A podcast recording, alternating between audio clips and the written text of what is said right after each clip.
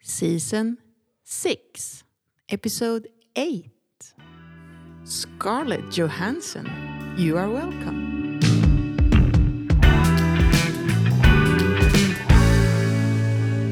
Among people in romantic relationships, fantasizing about someone other than your partner is normative behavior. It's very common. Mm. And um, surveys show that a vast majority of both men and women uh, occasionally, at least, fantasize about other people than their partner. Yeah. This doesn't mean that they want to be unfaithful or that they're going to do this, No. but it, it gives them arousal. Yeah. And uh, for me, if Scarlett Johansson turned up and knocked on the door, might be a bit of a conflict going on here. What I what I should do? Why a conflict? Well, yeah, she looks really nice and she seems like a nice person. Uh, but you know, I really love you and and uh, want to be with you. But uh, so your fantasy, what happens if your fantasy or hall pass actually turns up and becomes available? yeah, exactly. Would you go for it or not? So we're back to desire versus fantasy, Mm. where we started this season. But what if the fantasy turns into this desire or that like you Even a possibility. yeah it, it, it turns up as a possibility i think that you as a man would regret so much if you didn't take the chance Yeah, and and we know this from from other research that uh, when you talk about uh, regrets, uh, regret of sex. regret of sex, um, men much more uh, regret the sex that they uh, didn't have or didn't take the chance to have, whereas women, more often regret the sex that they have had. Yeah, that's kind of interesting but uh, let's not dive deeper just a into side that. note, really. yeah Uh, But it's interesting because you can fantasize about Scarlett Johansson and she's like famous and you know her face and you fantasize maybe about seeing her smile or whatever. I don't know. And when I fantasize about other persons than you, they are not really, I cannot see who it is. I just see a big muscular body and, and the way that that body moves. So it's it's really not about faces for me in my fantasies. No, but that can happen to me as well, particularly when I was younger, maybe or masturbating and so on. It wasn't so important who it was or, or um, the face. So maybe the event or the situation was more interesting for me. Uh, but the person, in fact, the person might even um, distract from the erotic situation. Ah, knowing who it was, or Yeah, yeah. seeing a face. Yeah, Yeah. yeah, I can understand that. it's easier the fantasy gets easier when the people are anonymous Mm. then it's maybe easier to go a bit crazy because it's not someone that you know a little bit about Yeah. or, or uh, so that that thing you know about them might actually disturb your fantasy so mm-hmm, it's better mm-hmm. to to disconnect them mm. But let's go back to Scarlett Johansson. That idea. I mean, it's easy for someone to say, "Okay, you have a hall pass. If she turns up, go for her," because I mean, when would you ever meet Scarlett Johansson? yeah Yeah. But what about if it was a neighbor or a friend or a colleague?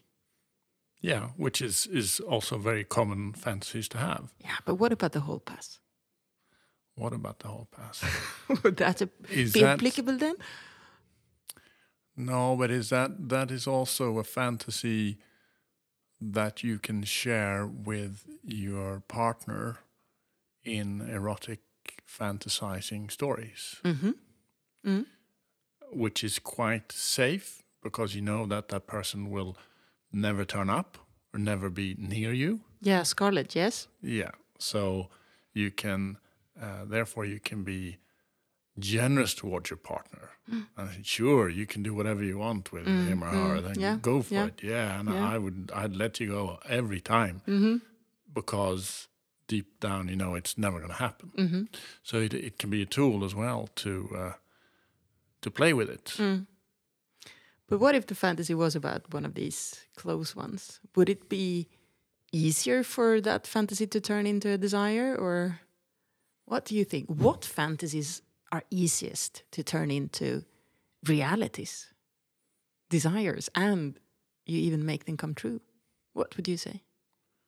I think uh, fantasy is about things with your partner, obviously. Yeah, yeah, novelty No- stuff, novelty with your partner. Mhm. Yeah. new positions, new places. Yeah. What else? So those are, are quite realistic and achievable if, Mm. if everyone involved wants to, Mm. to go that way. A little bit of role play, Yeah. some light BDSM, perhaps. Yeah, possibly. But as soon as you uh, you uh, start leaving your relationship, In your fantasies. uh, no, in your desires, Mm. then it's something else is happening. That's Mm. a little bit more complicated. Mm. But we're talking a lot about couples. But obviously, as a single person, you can fantasize about anything you want as well, and have sex with anyone you want Mm. that consents. Mm. So uh, we haven't maybe given that so much consideration during this season.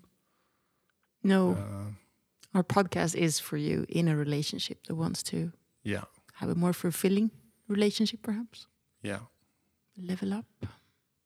So be careful if uh, if your desire comes too strong about these people in your uh, vicinity. Mm. So when your fantasy has become a desire, be more aware of it, cautious about it, but also be more open about it.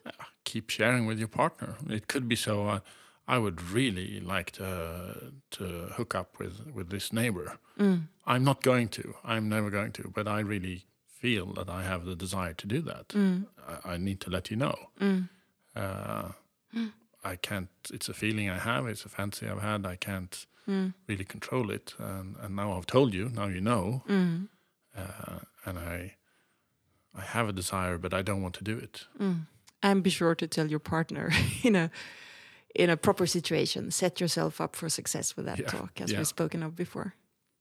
Yeah.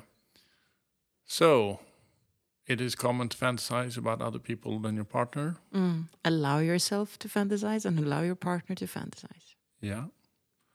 Maybe get a bit of extra erotic spice by sharing them with your partner Yes. in a nice and exciting way. Okay, I think that wraps wraps up this season about fantasies. Thank you for listening, and we'll be back with another season in, uh, in a while. Yeah. Bye. Bye.